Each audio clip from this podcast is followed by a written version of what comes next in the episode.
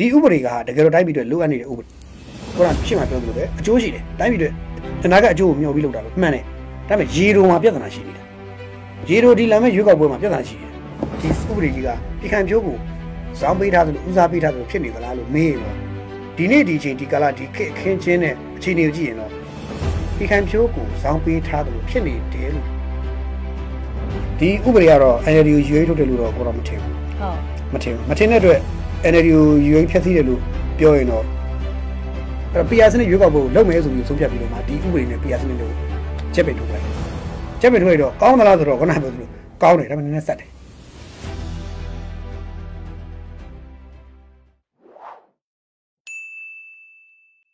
မင်္ဂလာပါရှင်နှစ်ပတ်တစ်ခါအမြဲတမ်းတင်ဆက်ပေးနေကြဖြစ်တဲ့ BK Show ကနေပြန်လည်ကြိုဆိုလိုက်ပါရစေ ဒီတစ်ပတ်မှာဆိုရင်တော့ဒီနိုင်ငံရေးပါတီများမှတ်ပုံတင်ခြင်းဥပဒေအပေါ်မှာအကောင့်အဆိုးတွေကိုဟိုဝေဖန်ဆွေးနွေးတော့မှာပဲဖြစ်ပါတယ်အကိုကြီးပြီးခဲ့တဲ့ဒီ26ရက်နေ့อ่ะပေါ့နော်ထုတ်ပြန်လိုက်တဲ့ဒီနိုင်ငံရေးပါတီများမှတ်ပုံတင်ခြင်းဥပဒေနဲ့ပတ်သက်ပြီးတော့ဒီနိုင်ငံရေးသမားတွေရဲ့ကြားထဲမှာပေါ့နော်ဟိုပြောကြတွေအများကြီးဖြစ်လာတယ်ပေါ့အဲညီမတို့ဒီတစ်ပတ်ဒါတွေနဲ့ပတ်သက်ပြီးတော့ဆွေးနွေးကြအောင်ပြောစရာဖြစ်မဖြစ်တော့မသိဘူးဟိုတချို့တော့အကုန်လုံးသိတဲ့နိုင်ငံရေးသမားတွေဆိုအဲ့လိုတော့မပြောဘူးလို့ကြားတယ်ဟုတ်လား ဆက်တက်ချင်းအညမှာ26ရက်နေ့ညမှာပဲအဲ့လိုတော့မပြောကြဘူးပေါ့နော်အဲ့လိုတော့မပြောကြဘူးတဲ့နောက်တစ်ခါအဲ့ညမှာပဲတခါတည်းဖုတ်ဖုတ်မိတိုက်တွေနဲ့ဟိုသူတို့အချင်းချင်းဆက်သွယ်ပြီးတော့ပြောကြဆိုကြဘယ်လိုလုပ်ကြမလဲဒါကြီးဘယ်လိုဖြစ်လို့ဘယ်လိုဒုက္ခပဲဘာပဲညာပဲပေါ့အဲ့လိုနဲ့ဟိုတော်တော်များဟိုစူညံပေါ်လောရိုက်သွားတယ်ပေါ့နော်စူညံပေါ်လောရိုက်သွားတယ်ဟိုဒီနိုင်ငံရေးတိုင်းဝိုင်းနဲ့မှာရိုက်ခတ်မှုကြီးသွားတယ်နိုင်ငံရေးတိုင်းဝိုင်းရိုက်ခတ်ကြီးဆိုတော့နှစ်ချမ်းရှိတယ်ပေါ့တစ်ချမ်းပါဆိုတော့ပြည်တွင်းမှာကြံနေခဲ့တဲ့အချမ်းမှာလည်းပေါ်လောရိုက်သွားတယ်အဲပြပရောက်သွားတဲ့အုပ်စုမှာလည်းဟို ပြောစရာဖြစ်လာတယ်စူညံလာဖြစ်လာတယ်ဖြစ်လာတယ်အဲ့တော့ဘာပြောပြောဒီအမိတ်ဒီနိုင်ငံရေးပါတီမှာမှတ်ပုံတင်ခြင်းဥပဒေကြီးညာချက်ကြီးကနိုင်ငံရေးအတိုင်းအဝိုင်းကိုတော့လှုပ်ခတ်မှုတော့အကြီးကြီးဖြစ်စေခဲ့တယ်။ဘာလို့လဲဆိုတော့အနီးကပ်မှာလည်း February ရက်နေ့အပြောင်းလဲတစ်ခုလည်းရှိသေးတယ်ဆိုတော့အဲ့အပြောင်းလဲမတိုင်မှာတခါတည်းကြိုပြီးတော့ပွဲကိုစူသွားစီတာပဲတွေ့ရတယ်။ဆိုတော့ဒါစိတ်ဝင်စားဖို့တော့ကောင်းတယ်ပေါ့။ခင်ချင်းအဲ့လိုတော့စိတ်ဝင်စားဖို့ကောင်းတယ်ပဲစပြောအောင်ဖြစ်တယ် ဟုတ်ဟိုဟာတချို့တွေကြလဲပေါ့နော်ဒါတွေကဘာဘာတွေထုတ်ပြန်လိုက်တာလဲအဲဘာတွေလဲဆိုတော့တချို့မသိသေးရတဲ့လူတွေရှိအဲအခုနိုင်ငံရေးသမားတွေကြားထဲမှာဖြစ်နေရတဲ့ပတ်ထာနဲ့ပတ်သက်ပြီးအကုန်နည်းနည်းပြောပြပေးပါမသိသေးတဲ့သူတွေအတွက်ပေါ့။အဲအဲ့ဒီမှာနိုင်ငံရေးပါတီများမပုံတင်ခြင်းဥပဒေက2010ပေါ့ပြီးခဲ့တဲ့ဟိုကာလကိုပြန်သွားကြမယ်ဆိုရင်2010ပြဋ္ဌာန်းချက်ကိုပြန်ကြည့်ရမယ်။2010ပြဋ္ဌာန်းချက်ကိုအရင်ဆုံးတစ်ချက်သွားကြည့်ပြီးတော့မှ2000နဲ့အခု 23မှာပြဋ္ဌာန်းတဲ့ဥပဒေကပါလဲဆိုတော့တခါချိန်ရမှာပေါ့နော်ဟုတ်ကဲ့ဆိုတော့2010တုန်းကပြဋ္ဌာန်းတဲ့ဥပဒေတုန်းကလည်းလူတွေကအဲ့တုန်းကအဲ့ကာလာတော့ဝေဖန်မှုတွေရှိခဲ့တာပဲဒါပေမဲ့အခု2023ပိုပြင်းထန်တယ်ဟုတ်ဘာကဲ့လို့2020 2010တော့ဘာဖြစ်လဲဆိုတော့ဦးတန်းဦးသက်ရှိကိုဗိုလ်ချုပ်ကြီးတန်းရှိရဲ့လက်မှတ်နဲ့ရေးထုတ်ပြီးတော့အမိန့်ပညာသံထွက်လာတဲ့ဒီရွေးကောက်ပွဲရွေးကောက်ပွဲပုံမှုတော့ပါတီတွေမှတ်ပုံတင်ခြင်းဥပဒေကိုသူတို့လောက်ကြတဲ့အခါမှာ2010ရွေးကောက်ပွဲကြီးလုပ်ဖို့ပြင်တဲ့အခါမှာပေါ့နော်အဲ့တုန်းကလူတွေကဒီအိုက်စာကိုဖတ်တယ်ပေါ့2010ဆိုတာအခုဒီမှာ ရှိတယ်ပေါ့ဒီကောင်ဖတ်ကြဖတ်တဲ့အခါကျတော့ဒီထဲမှာပါတဲ့အချက်လက်တွေကိုတိတ်ပြီးတော့ညင်းပွားစရာတော့နေတယ်ဒါပေမဲ့အာဗာလဲစစ်တပ်ကလုတ်ပြီးမှရွေးကောက်ပွဲကိုငါတို့ကဝင်စရာအကြောင်းမရှိဘူးဟုတ်ဘယ်တော့မှမဝင်ဘူးပေါ့ငါတို့က90 1990ရွေးကောက်ပွဲရလာတာလေအတီးအဲအဲ့ဒီအဲ့ဒီပုံစံနဲ့တောက်လျှောက်ပြောခဲ့တာ1990 1990ပြီး2000 2000ပြီးတော့2010စဉ်းစားကြည့်ပေါ့ဆယ်နှစ်ဆယ်စုနှစ်နှစ်ခုသာကြာသွားတာဟုတ်အဲ90ရွေးကောက်ပွဲသာအတီးလို့သူကပြောပြီးတော့လူတွေကအဲ့လိုဆန့်ကျင်ကြတာပေါ့ဒီရွေးကောက်ပွဲအဲ ကျင်းပမယ်လို့နာဟိုအဲ့တုန်းကဘုရင်ကြီးတန်းရွှေတို့ကကြီးညာတဲ့အချိန်တုန်းကလည်းချင်းချင်းကလည်းမဝင်ဘူးကွာဘာကိစ္စငါတို့ဝင်ရမှာလဲဝင်ရမရှိဘူးဆိုတာကြည်ကြည်တလောင်တွေးကြောခဲ့ကြတာက NLD ကတွေးကြောခဲ့တယ်ဟုတ်ကဲ့ NLD ရဲ့ဟိုမှာအဲ့မှာကြွေးကြော်ခဲ့တဲ့အတွက်ဘယ်လောက်ထိကြွေးကြော်ခဲ့ဘူးလဲဆိုတော့အဲ NLD ပါတီထဲမှာရှိတဲ့ထိပ်ပိုင်းကောင်းတွေကွဲကုန်တယ်ဥပမာဆိုကြပါတော့ဟိုဒေါက်တာတန်းငိမ့်တို့ဥက္ကမောင်ဆွေတို့အမ်ဦးသိန်းညိုတို့ဆိုရင်သူတို့ကရွေးကောက်ပွဲဝင်မယ်ရွေးကောက်ပွဲတစ်ခုကိုငါတို့ဝင်ပြီးတော့ တိုင်းပြည်အယူရွှေ့မှသာလေရွေ့မယ်ဒီလိုမျိုးတင်းခံနေရင်သဘောထားတင်းမာသွားနေတင်းခံနေကြလို့ရှိရင်အပြောင်းလဲဆိုတာဘာမှဖြစ်လာမှာမဟုတ်ဘူးအဲ့တော့ဟိုခုနတယောက်တယောက်တယောက်နဲ့တယောက်တခါတည်းဘရောမှဟို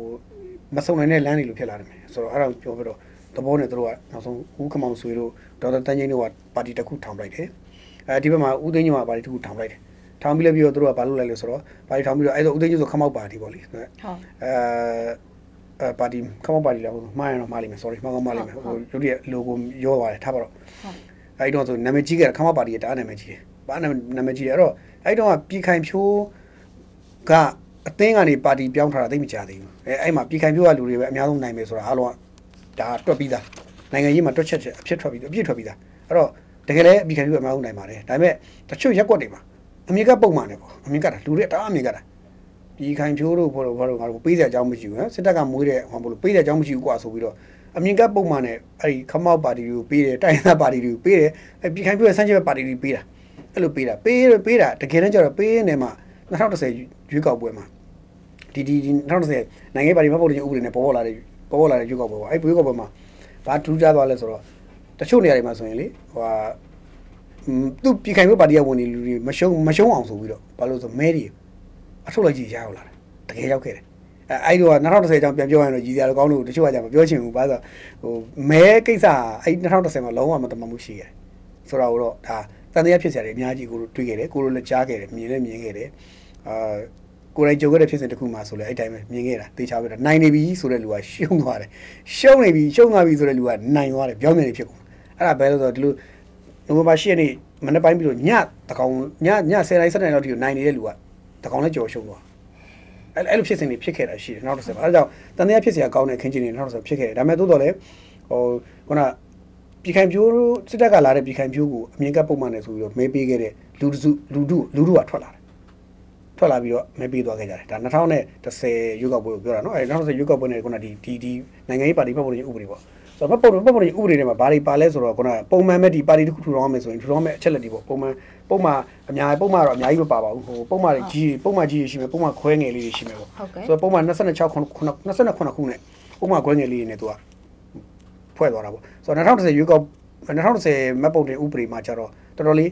မြင်သာပျော့ပြောင်းတယ်လို့ပြောလို့ရတယ်ပျော့ပြောင်းတယ်ဘာသွားတွေ့ရလဲဆိုတော့ဟိုအရင်တင်းကျပ်ထားတာမရှိဘူးသိပြီမတင်းကျပ်ထားဘူးဥပမာဆိုကြပါစို့အဲ့တုန်းကတတ်မှတ်ထားတာဆိုရင်အခုဒီနေ့ဖြစ်နေတဲ့ဟာနဲ့ပြဿနာတက်နေတဲ့ဟာအရေးကြီးဆုံးဟာတစ်ခုကဘာလဲဆိုတော့ဒီပုံမှန်9စာလုံးပေါ့ နိုင်ငံရေးပါတီများပတ်ဖို့တည်ဥပဒေပုံမှန်9စာလုံးမှာ2010မှာပြဋ္ဌာန်းထားတာကပြည်တော်စုတဝန်းလုံးမှာစီးရုံးရဲ့ပါတီဟာတဲ့နိုင်ငံရေးပါတီမှတ်ပုံတင်ခွင့်ပြုတဲ့နေ့ရက်ကစပြီးတော့ရက်ပေါင်း90အတွင်းပါတီဝင်ကြီးအနည်းဆုံး1000စီးရုံးရမယ်ဆိုတဲ့ဝန်ခံချက်ပြီးတော့တိုင်းဒေသကြီးသုံးမှုပြည်နယ်တစ်ခုအတွင်းလိုက်တာစီယုံမဲ့ပါတီကတော့နိုင်ငံရေးပါတီဖြစ်မှတ်ပုံတင်ခွင့်ပြုတဲ့နေ့ရက်မှာစပြီးရပောင်း90တွင်ပါတီဝင်ဥယျာဉ်အနည်းဆုံး900လို့သတ်မှတ်ထားတယ်ဆိုတော့ပြောရင်တော့မင်းပါတီထောင်ကျင်လားပေါ့မင်းပါတီထောင်ကျင်အနည်းဆုံးလူတစ်ထောင်ရှိရတယ်မင်းပါတီကိုလူတစ်ထောင်ရှိရမယ်အဲအဲ့မှာ ဘန်နာရေးကိုထည့်မရေးထားဘူးဘန်နာရေးမှာဘန်မှာဘယ်လောက်ပတ်စံထည့်ရမယ်ဆိုတော့ထည့်မရေးထားဘူးဟုတ်ကဲ့ပါတီထောင်ရင်ပါတီထောင်တဲ့သူကဘန်မှာပတ်စံဘယ်လောက်တွားပြီးထည့်ရမယ်ဆိုထည့်မရေးထားတော့ဘန်နာရေးကိုသူကအားလုံးမစိုက်ထားဘူးမင်းမှာလူရင်းဘယ်လောက်ရှိလဲဆိုတော့မေးတာဟုတ်မေးတာအဲ့တော့အဲ့လူတစ်ထောင်ကတော့လေပြောရရင်တနိုင်ငံလုံးကိုပြိုင်မဲ့လူကလူထောင်တော့စုလို့ရတယ်ပေါ့နော်ကြားနိုင်တယ်ပေါ့ဒါမှမရရင်လည်းမပြိုင်နဲ့တော့လေမပြိုင်မနေတော့မင်းလူထောင်တော့စုမရဘူးဆိုတော့မင်းပါတီမထောင်နဲ့တော့လေအဲ့တော့ဟိုဟိုပါပါတီထောင်စရာမလိုအပ်တော့ဘူးပေါ့နော်အဲ့တော့ထားပါတော့အဲ့လိုဆိုတော့ဒါမစိုးဘူး2010 အခုဒီနေ့ဖြစ်နေတဲ့ပြဿနာကကြကြလောင်ထွက်လာတဲ့ပြဿနာကအဲ့ဒီပုံမှန်9စာလုံးမှာပဲပြောင်းသွားတာပြောင်းသွားတာပေါ့နော်အဲ့တော့ဟိုအချက်တွေကတော့အများကြီးဟွာဖြစ်ရင်တော့ပဲအဓိကအချက်တွေဖြစ်နေ point ရတော့အဲ့ဒါပဲရှိတယ်ခု28ချက်ပဲဒါလည်းသူလည်း2023လဲ28ချက်ပဲဟုတ်ပုံမှန်28ခုပဲဆိုတော့ဒီငါးစာလုံးပြီးတော့စလိန်ဇာခွဲတွေပါပါလာတာစလိန်ဇာခွဲတွေပါပါလာတာဆိုတော့ဟိုကစာလုံးနဲ့ပြီးသွားတာဟိုမှာနိုင်ငံပါတီတစ်ခုထူထောင်မယ်ဆိုရင်ဆိုပြီးတော့ပါလာတာထူထောင်တော့မယ်ဆိုရင်ဆိုပြီးတော့ စာလုံးနဲ့ပြီးသွားတာပုံမှန်ငါကာကြီးခါဝေးကိုင်းကာကြီးငါစာလုံးပြီးသွားတယ်အခုကျတော့ပုံမှန်ငါငါကာကြီးခါဝေးကိုင်းကာကြီးငါစာလုံးစလိန်ဇာခွဲတွေပါရောက်ကုန်တာဆိုတော့အဲ့ပြဿနာစတက်တာပေါ့နော်ဆိုတော့ဒီမှာကျတော့ငါးစာလုံးမှာ2023မှာကြီးညာထားတာကျတော့ပြောသူတဝန်းလုံးမှာစီးရုံးမဲ့ပါတီဖြစ်မယ်ဆိုရင်တဲ့အဲ့ဒီနိုင်ငံရေးပါတီကအနည်းဆုံးလူတသိန်းဟုတ်ကဲ့6ရက်90အတွင်းမှာရက်90အတွင်းမှာလူတသိန်းစုရမယ်ပြီးတော့ငွေကျပ်သိန်းတစ်ထောင်ငွေကျပ်သိန်းတစ်ထောင်ကိုအဲနိုင်ငံတော်နိုင်ငံနိုင်ငံပိုင်ဘဏ်တစ်ခုခုမှာ မပုံထည့်ရမယ်နိုင်ငံဘဏ်ဆိုကြည့်တော့မြန်မာစီးပွားရေးဘဏ်လို့ဟောပြီးတော့ပါအဲ့ဘဏ်မှာသွားပြီးတော့သိန်းတစ်ထောင်ထည့်ထားရမယ်ဟုတ်ကဲ့ထည့်ထားပြီးလို့ရှိရင်နောက်တစ်ချက်ကဘာလဲဆိုတော့ရက်ပေါင်း180အတွင်းမှာမြို့ရဲ့ဒီရွေးကောက်ပွဲကျင်းပနိုင်စွမ်းရှိတဲ့မြို့ပေါင်း330ရဲ့မြို့ပေါင်း330ရဲ့ထောက်ဝက်ဆိုတော့165မြို့မှာဒီပါတီရုံးကနေဖွင့်ရမယ်ဆိုတော့အဲ့ဒီအချက်ကပဲပြဿနာစတက်တာပဲဟုတ်ကဲ့အဲ့ချက်ပြဿနာဥပမာအဲ့ချက်ကအဓိကတချို့ကြတော့ဒီပြောင်းတဝန်းလုံးစီးအောင်မဟုတ်ဘူး နေမြေတိုင်းသားဒေသတိုင်းဒေသပြည်နယ်တိုင်းဒေသတခုပဲစီးအောင်ပဲပါတီကြောက်ဘာဖြစ်လဲဆိုတော့အဲ့ဒီပါတီတွေကြတော့လူတစ်ထောင်ဖြစ်သွားရပောင်း90လူတစ်ထောင်ဟုတ်ကဲ့2010တော့လူ900အခုလူတစ်ထောင်ဟုတ်နောက်တစ်ခါကျတော့ဟိုဗာလဲပတ်စံကြတော့လေသူကပါတီရမုံငွေကိုအရင်တော့မထည့်ပြီမဲ့300အခုတော့အရင်တော့0အခု300ဟုတ်အဲ့တော့တစ်ခါဟိုကကြတော့လေဖွင့်လိုက်မဲ့ပါတီကြတော့လေရပောင်း180တွေမှာအနည်းဆုံးမြို့9မြို့မှာပါတီရုံးရှိရမယ်အရင်တော့0အခု9မြို့အနည်းဆုံးရှိရမယ်အရင်တော့0ဆိုတာကမင်းဖွင့်နေတာဖွင့်လို့ရတယ်မဖွင့်လိုက်ရတယ် တရုံးရှိလေရတရုံးတော့အနည်းဆုံးရှိမှာပဲလေအဲ့တော့ရှိတယ်အခုကျတော့သူအနည်းဆုံး9ရုံ9မြို့နေရှိရမယ်ပြည်နယ်တိုင်းဆိုရင်ဟိုကကျတော့ရပဟို165ဆိုတော့ပြောပါအရင်တော့0ခုဟောပြတယ်အခုတော့165မြို့တဖြစ်ဆိုတော့အဲ့ဒီချက်တွေဟာလူတွေကြားထဲမှာတော့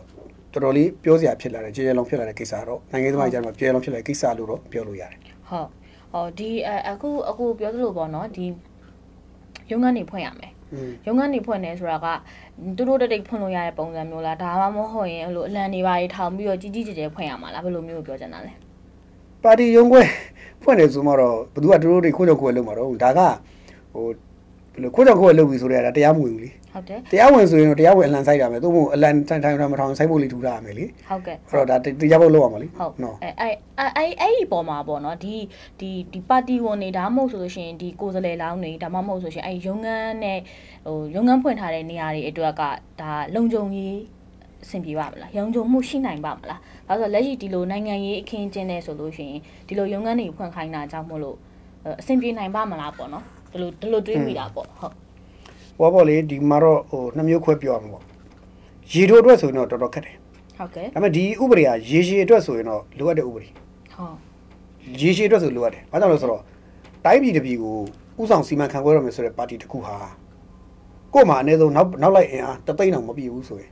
မင်းဒီနိုင်ငံကိုမင်းဘယ်လိုစီမံခန့်ခွဲမှာလဲမင်းဘယ်လိုလုပ်ပြီးဒီနိုင်ငံကိုဥဆောင်မှာလဲဆိုတဲ့မိကုန်းကတော့ရှိတယ်မှန်တယ် လူတသိန်းအောင်ကို့မှာကို့ follower ပေါ့ကွာပြောချင်တယ် follower တသိန်းအောင်မရှိဘူးဆိုရင်ကို့ပါတီဝင်တသိန်းအောင်မပြည့်ဘူးဆိုရင်အဲ့တသိန်းမပြည့်တဲ့လူကဒီနိုင်ငံရဲ့အရေးကိုသူဘယ်လိုဥဆောင်မလဲဆိုတဲ့မိကုန်းအဲ့မိကုန်းနဲ့မေးမယ်ဆိုရင်တော့နိုင်ငံရေးပါတီတွေကိုမေးရမယ်မေးဖို့တန်တယ်နောက်တစ်ခုကသိန်းတစ်ထောင်တန်တယ်ဒါလည်းနောက်တစ်ခါမြို့နယ်ပေါင်း165မြို့နယ်မှာဟို165မြို့နယ်မှာရုံးခန်းတွေဖွင့်ရမယ်ဆိုဟုတ်တယ်မင်းတကယ်တိုင်းပြည်တော့လုံးမှာဆိုရင်ဖွင့်ရဖွင့်နိုင်ရမယ်ဟုတ်ကဲ့ဒါဖွင့်နိုင်ရမယ်ဒါကမဖြစ်မနေလုပ်ဖို့လိုရလားဆိုတော့လိုအပ်တယ်ရေရှည်အနာဂတ်မျှော်ပြီးလုပ်တဲ့လုပ်ငန်းဆိုရင်တော့မှန်တယ် မှန်တယ်ပေါ့နော်တိုးတော့ခုရေတိုပြဿနာကိုကြည့်မယ်ဆိုရင်တော့ဒီကောင်ကတော်တော်ဒုက္ခပေးတဲ့ကိစ္စတော်တော်ကြီးကြီးဒုက္ခပေးတဲ့ကိစ္စအဲ့တော့ဒီဟာကဟိုဒီနေရာမှာကိုတို့ဘယ်နေရာပြန်တွေးရမလဲဆိုတော့ဟိုရှူတော့မှာမှဒီဒီအမိန့်ကိုထုတ်ပြန်လိုက်တဲ့ပုံကိုယ်တွေပေါ့နော်ပုံကိုယ်တွေတာဝန်ရှိသူတွေရဲ့စဉ်းစားတွေးခေါ်မှုဟိုဘယ်လန့်ကြည့်ရမလဲဟုတ်ကဲ့ဆိုတော့ဒီမိတ်ထုတ်ပြန်လိုက်တဲ့လူကလူအနေနဲ့ကရောလူတို့မို့ဒီမိတ်ထုတ်ပြန်တဲ့အစိုးရအဖွဲ့အနေနဲ့ကရောတို့မို့ဒီဒီယာယီအစိုးရပေါ့လေသူအစိုးရအနေနဲ့ရောသူတို့အနေနဲ့ကရော ဒီအမိတ်ဒီလိုထွက်လိုက်လို့ရှိရင်ဒီနေ့ဒီကာလမှာဒါတော့ခက်ခဲလိမ့်မယ်ဆိုတော့မသိဘဲနေမယ်ထင်သလားဆိုတော့မေးကုန်ပါ ဟုတ်ကဲ့ဟုတ် တေချာပေါ့ကိုကျွန်တော်သိတယ်သူတို့သိတယ်လူတစ်သိန်းရက်60တည်းမှာလူသိန်းစုဖို့မလွယ်ဘူးဆိုတာကိုသူတို့သိတယ် ဟုတ်ကဲ့ အဲ့လိုပဲရက်ပေါင်း180တည်းမှာရုံးခန်းပေါင်း165ခုဖွင့်ဖို့ဆိုမလွယ်ဘူးဆိုတာသူသိတယ် ဟုတ် သူတို့သိတယ်နောက်တစ်ခုကအဲတိတ်တစ်ထောင်တိတ်တစ်ထောင်ကတော့တိတ်မခက်ပါဘူးနိုင်ငံရေးပါတီဆိုတော့တိတ်တစ်ထောင်မခက်ဘူးဆိုတော့သူတို့သိတယ်โอเคဆိုတော့သူတို့ဒီဟာတွေကိုလို့သူတို့သိတယ်သိပါသိသိတယ်သိပေမဲ့ သိမယ်ပြီးတော့နော်အဲ့လိုထွက်လာလို့ရှိရင်လူတွေဘက်ကနိုင်ငံသမားတွေပါတီတွေဘက်ကအတန်တွေထွက်လာလိမ့်မယ်ဆိုတော့ तू သိတယ် ဟုတ်ကဲ့ဟုတ် ဆိုတော့တိတိကြီးနဲ့ဘာလို့တောင်းလို့တာလဲဆိုတော့မေကွန်အဲ့ဒါပြဿနာ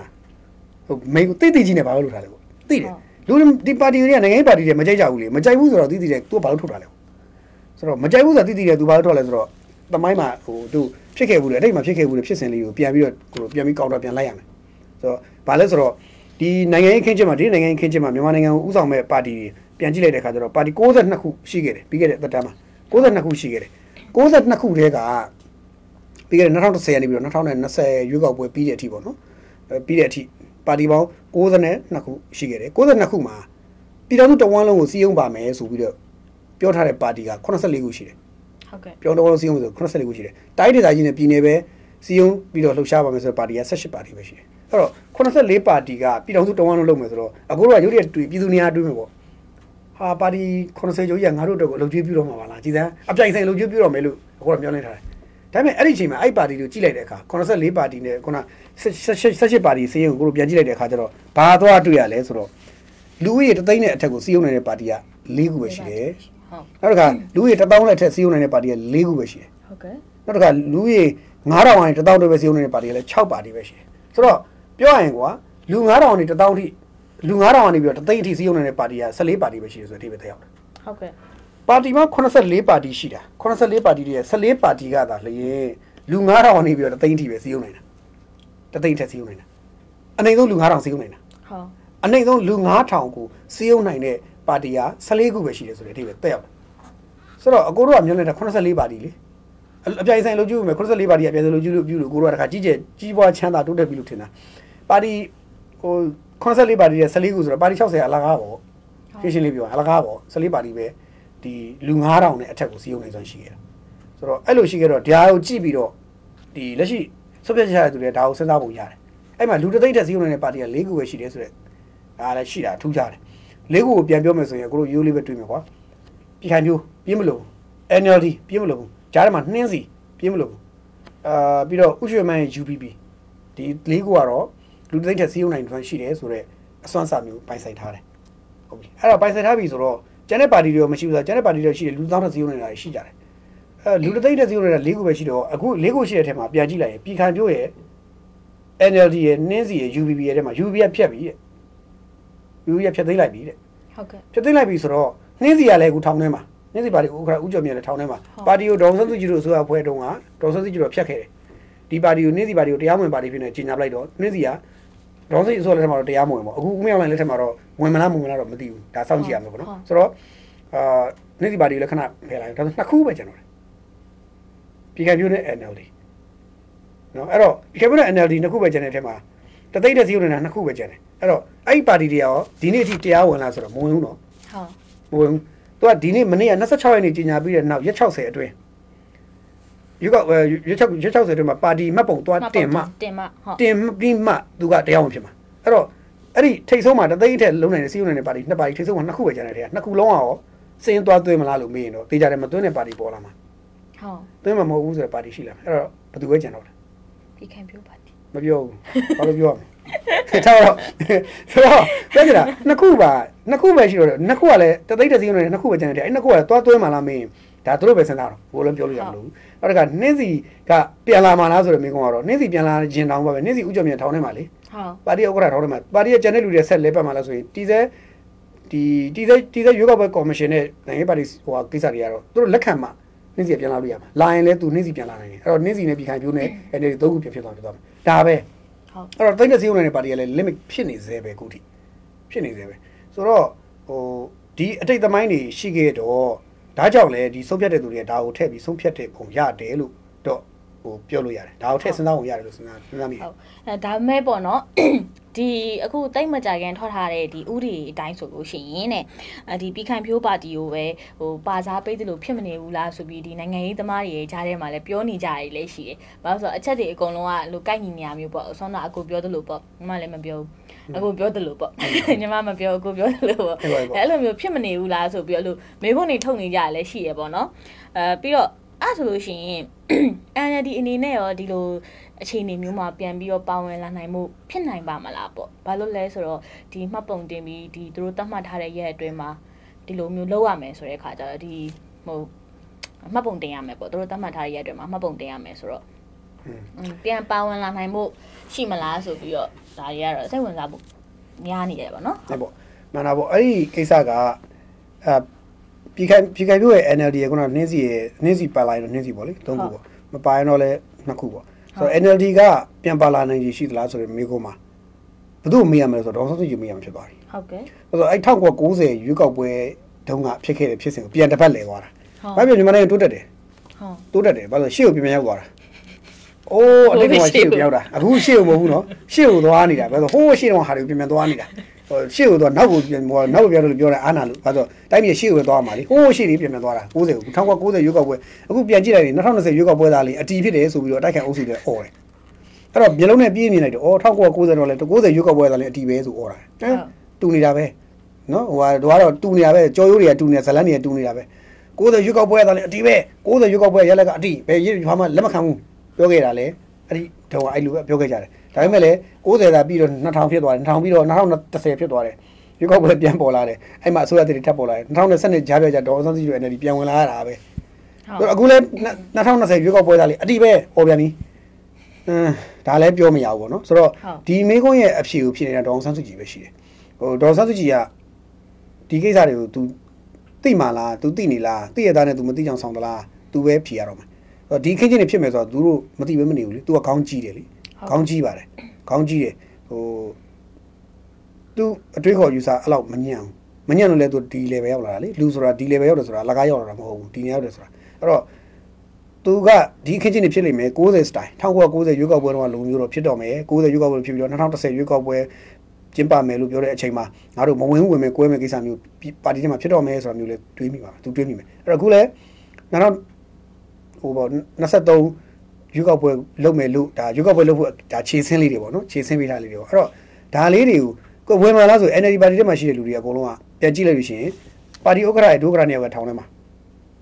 အရေးပါတဲ့ CEC အုပ်စုတော်တော်များထောင်ထဲမှာအပြင်မှာကြံခဲ့တဲ့ CEC ကအာဘယ်လောက်ရှိလဲဆိုတော့6ရောက်လာပဲအဲ့ဒါပဲရှိတော့ပြင်မှာပြင်မှာလွတ်လွတ်ကျွတ်ကျွတ်နဲ့ AAC အခုအဖမ်းလဲမခံရတော့ဘူးဥပဒေနဲ့ကင်းလို့ဆိုတာပြန်လွတ်လာတယ်သူက6ရောက်လောက်ပဲရှိတော့တယ်ဟုတ်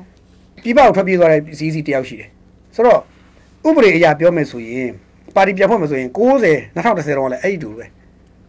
2010တော့အဲ့လိုပဲဘာဖြစ်လဲဆိုတော့အာပါတီထဲမှာဒေါအောင်ဆန်းစုကြည်ကို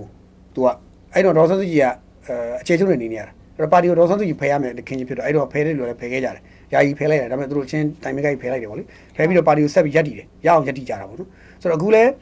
ဖယ်ရမယ်ဆိုရင်ဖယ်မယ်ဆိုတပြုံကြီးဖယ်ရမှာအခု2010တုန်းက ဒီနိုင်ငံရေးပါတီမှတ်ပုံတင်ဥပဒေမှာရော2023ဥပဒေမှာရောပါတဲ့တူကြီးတဲ့ချက်ကဘာလဲဆိုတော့နိုင်ငံရေးပါတီမှာပါဝင်မဲ့သူတွေကဘာဖြစ်ရမလဲဆိုတော့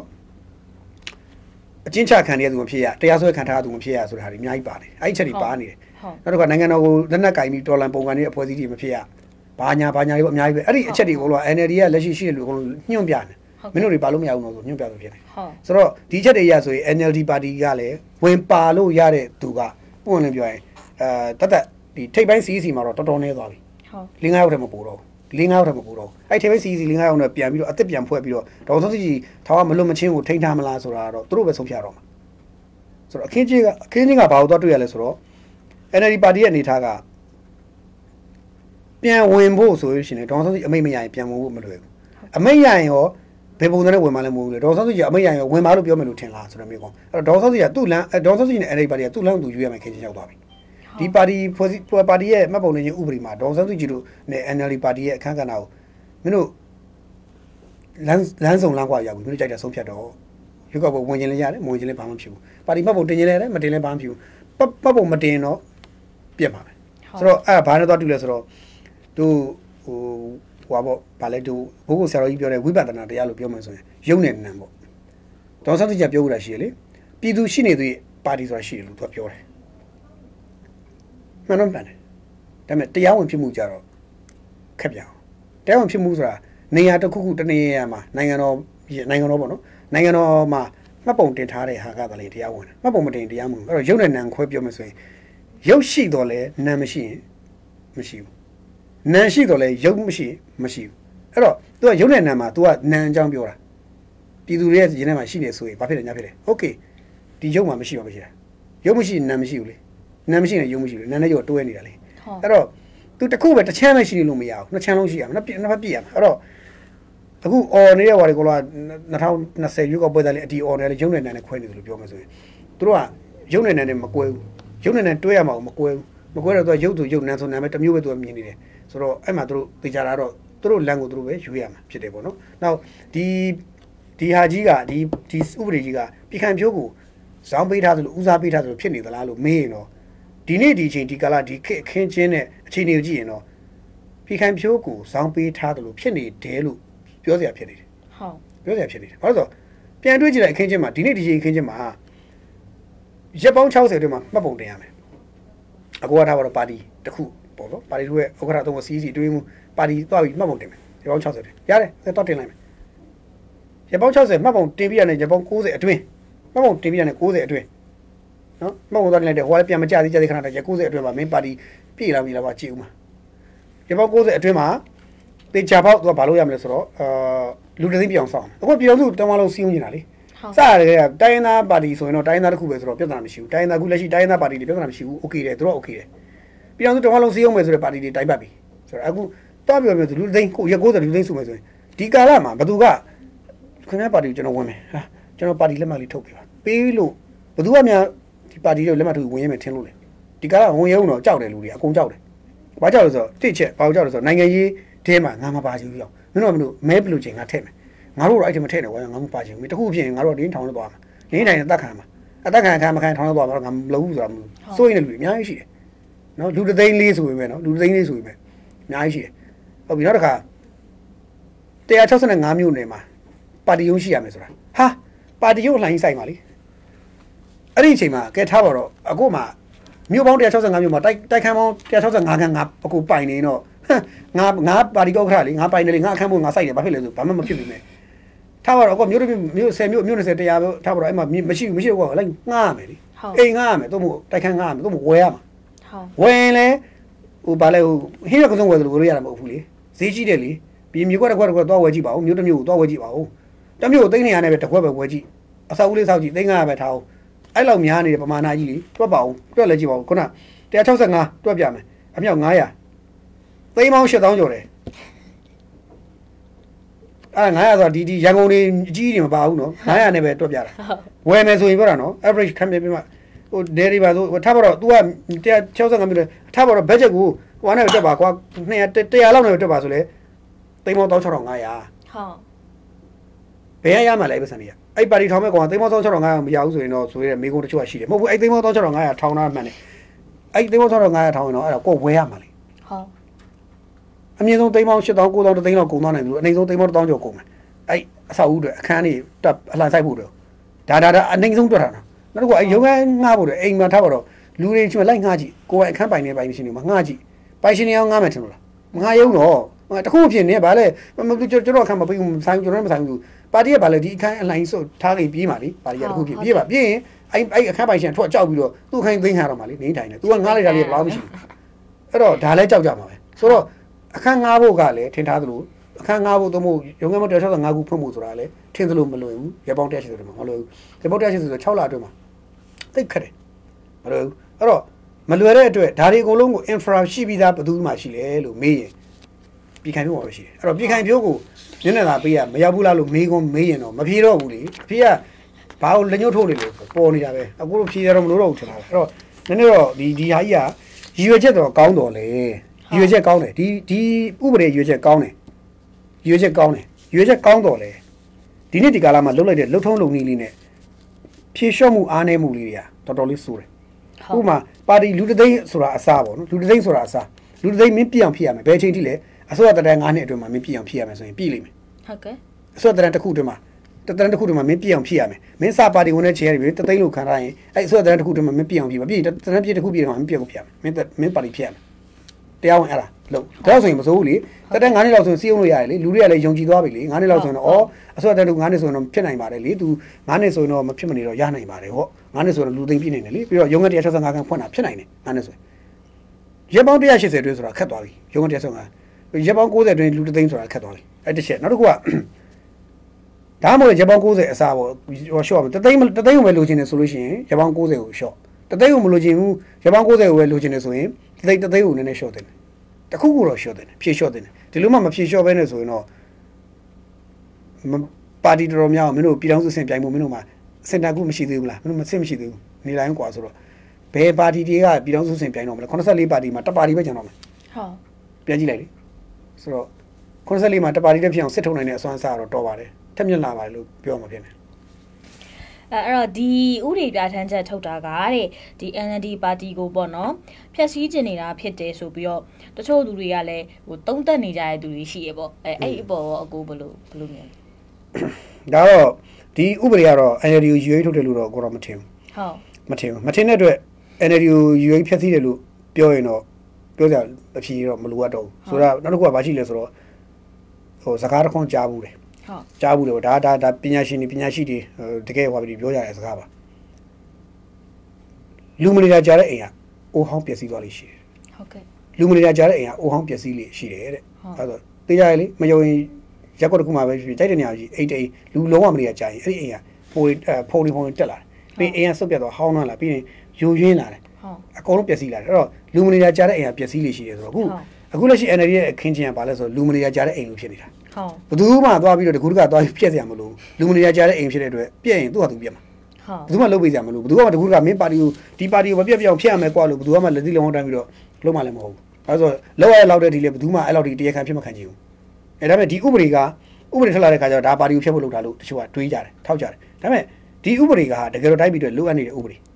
ကိုယ်ကရှေ့မှာပြောသလိုပဲအကျိုးရှိတယ်တိုင်းပြည်အတွက်အနာဂတ်အကျိုးကိုမျှော်ပြီးလုပ်တာလို့မှန်တယ်ဒါပေမဲ့ရေတုံမှာပြဿနာရှိနေတာရေရိုဒီလာမဲ့ရွေးကောက်ပွဲမှာပြဿနာရှိနေတာဒါပေမဲ့ရွေးကောက်ပွဲအတွက်က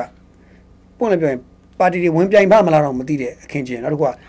ပြိုင်ရောပြိုင်ရဲပါမလားပြိုင်တဲ့လူရောပြိုင်နိုင်အဆင်ပြေပါမလားငါများသိမလားတတ်ခံမလားဆိုတော့စိုးရိမ်နေတဲ့အခင်းကြီးမှာဒါလောက်တင်းကျပ်တဲ့ဒီလိုတင်းကျပ်တဲ့ဥပဒေကအချိန်ကြိုက်လာကြတော့ရှင်းပြောရင်တော့ရေရှည်အတွက်ကောင်းတော်လဲရေတိုးမှာပါတီတွေအတွက်တော်တော်လေးဒုက္ခရောက်သွားစေတယ်ဟုတ် ဒုက္ခရောက်သွားတယ်ရေရှည်ကောင်းတယ်ဆိုတော့ခုနရှင်းမှလည်းကိုပြောခဲ့ပြီပါတီရဲ့84ပါတီသာရှိတာလူ1000 5000တောင်ပြည့်အောင်မစည်းနိုင်ဘူးဆိုတော့ဘယ်လိုလုပ်ကြမလဲအဲ့ဒါဆိုရင်မင်းနိုင်ငံဘယ်လိုစီစီဥဆောင်မှာလဲပေါ့ဘယ်နိုင်ငံမှာမဆိုပါတီဝင်ဆိုတော့သူရှိတယ်အမှဟိုတရုတ်နိုင်ငံကွန်မြူနစ်ပါတီဆိုရင်လည်းလူပါတီဝင်မှာပန်းနေချီရှိတယ်တရုတ်ကွန်မြူနစ်ပါတီအိန္ဒိယမှာလည်းသူမွန်နန္ဒရာမိုဒီတို့ရဲ့ပါတီဆိုရင်လူဦးရေလူဦးရေကိုသိမ့်နေချီမှမကောက်ဘူးရှိတယ်သိမ့်မှာတသိမ့်မဟုတ်ဘူးနော်သိမ့်နေအများကြီးရှိတယ်သူပါတီဝင်ဆိုတော့အဲ့လိုရှိတာဆိုတော့ဘာလို့တော့တွေ့ရမလဲဆိုတော့ နိုင်ငံတကာနိုင်ငံလုံးစီမံအုပ်ချုပ်ခြင်းတဲ့ပါတီတစ်ခုဟာကို့မှာနောက်လက်နောက်ပိုင်းကလူသိမ်းမှမရှိဘူးဆိုရင်တော့မင်းပြည်သူလူထုဘလုံးမမင်းဥဆောင်လို့မရဘူးခုတည်းမဟုတ်ဘူး၅ခု၆ခု9ခုရှိတော့အဲ့၅ခု6ခု9ခုကပြိုင်နေလိမ့်မယ်တော့အားပြိုင်နေနဲ့လုံးဝတိုင်းတက်ထောင်းတက်လာမှာအဲ့လိုဖြစ်ရမှာဒါပေမဲ့အခုလက်ရှိမြေပြင်အခြေအနေမှာကျတော့မြေပြင်ပဂရိရှိတရားကိုကြည့်တဲ့အခါကျတော့အဲ့လောက်တရုတ်နိုင်ငံပါပါတီကခုနပြော၄ခုပဲရှိတဲ့အထက်မှာတစ်ခုကပြတ်သွားပြီဆိုတော့၃၃ခုကျန်၃ခုမှာတစ်ခုကလည်းပြတ်တယ်လို့လို့မပြတ်တယ်လို့မမဆောင်ဖြစ်နေတာတစ်ခုကလည်း တခုကလည်းပြတ်တယ်လို့နဲ့မပြတ်ဘူးပေါ့နော်မပြတ်ဘူးဆိုရင်လည်းပြတ်တယ်လို့လည်းပြောလို့ရတယ်ပေါ့ပြတ်တယ်လို့ပြောလို့ရတော့လေပြန်တင်ရရင်ရမှာပါလေအဲ့လိုနဲ့ခြာလက်ဘက်လည်နေတဲ့တခုကအဲ့တော့နှစ်ခုကျန်တယ်နှစ်ခုကျန်တယ်နော်တစ်ခုကလည်းဥက္ကဋ္ဌတွေဒုဒုရမှုတွေဒုဥက္ကဋ္ဌတွေထောင်းထဲမှာဆိုတော့တစ်ခုပဲကျန်တော့တယ်လွတ်လွတ်ကင်းကင်းနဲ့အနေရကင်းကင်းနဲ့တခါတည်းဘေးကြည့်လိုက်လို့ပြိုင်ပွဲမရှိဘူးဟာတော်တယ်တကောင်းနဲ့ပြေးတယ်မြင်ပထမဆုရပြီကွာဆိုတာမျိုးတယောက်တည်းပန်းဝင်အဲတယောက်တည်းပန်းဝင်တကောင်းနဲ့ပြေးတယောက်တည်းပန်းဝင်ဆိုတဲ့ဟာမျိုးခင်းချင်းမျိုးယူတော့ပေးသလိုဖြစ်နေအဲ့တော့ သိကြတာတော့ဒီဥပဒေထွက်လာတာဒီကောင်းကျိုးတွေရှိသလိုတခြားတော့အဆိုးကျိုးတွေရှိသွားတယ်ဟုတ်ဆိုတော့ဟိုမပြီးတော့လဲကံရရှိပေါ့နော်ဘာခေါ်လဲဆိုတော့ဟိုလူတွေပြောပြောနေတဲ့ပြည်ခိုင်ဖြိုးကိုပဲဦးစားပေးသလိုဖြစ်တယ်လို့နောက် NLD ကိုဖျက်ဆီးသလိုဖြစ်တယ်ဆိုတော့ဟိုစကလုံးတွေကိုတော့ဝင်သွားတာပေါ့ဟုတ်ဒါပေမဲ့ရည်ရွယ်ချက်ကတော့အဲ့ဒါမဟုတ်ဘူးလို့ဘိုးတို့ယူဆတယ်ဟုတ်ကဲ့ရွေးချက်ကတော့အဲ့ဒါကိုရွေးထားတာမဟုတ်ဘူးသူတို့အနာဂတ်ကိုကြိုပြင်ထားတယ်ဟိုရှေ့ကိုလှမ်းမြင်ပြီးတော့လှုပ်ထားတယ်လို့ကိုတို့မြင်တယ်အဲ့လိုတော့ကိုမြင်တယ် ဟုတ်ဒီထုတ်ပြန်ချက်ကိုပေါ့နော်အဲဒီဒီဥပဒေပေါ့ဒီဥပဒေကိုဒီဘယ်ပါတီတွေနဲ့တွဲဆုံဆွေးနွေးပြီးတော့ထုတ်ထားတာမျိုးဖြစ်နိုင်တယ်ပေါ့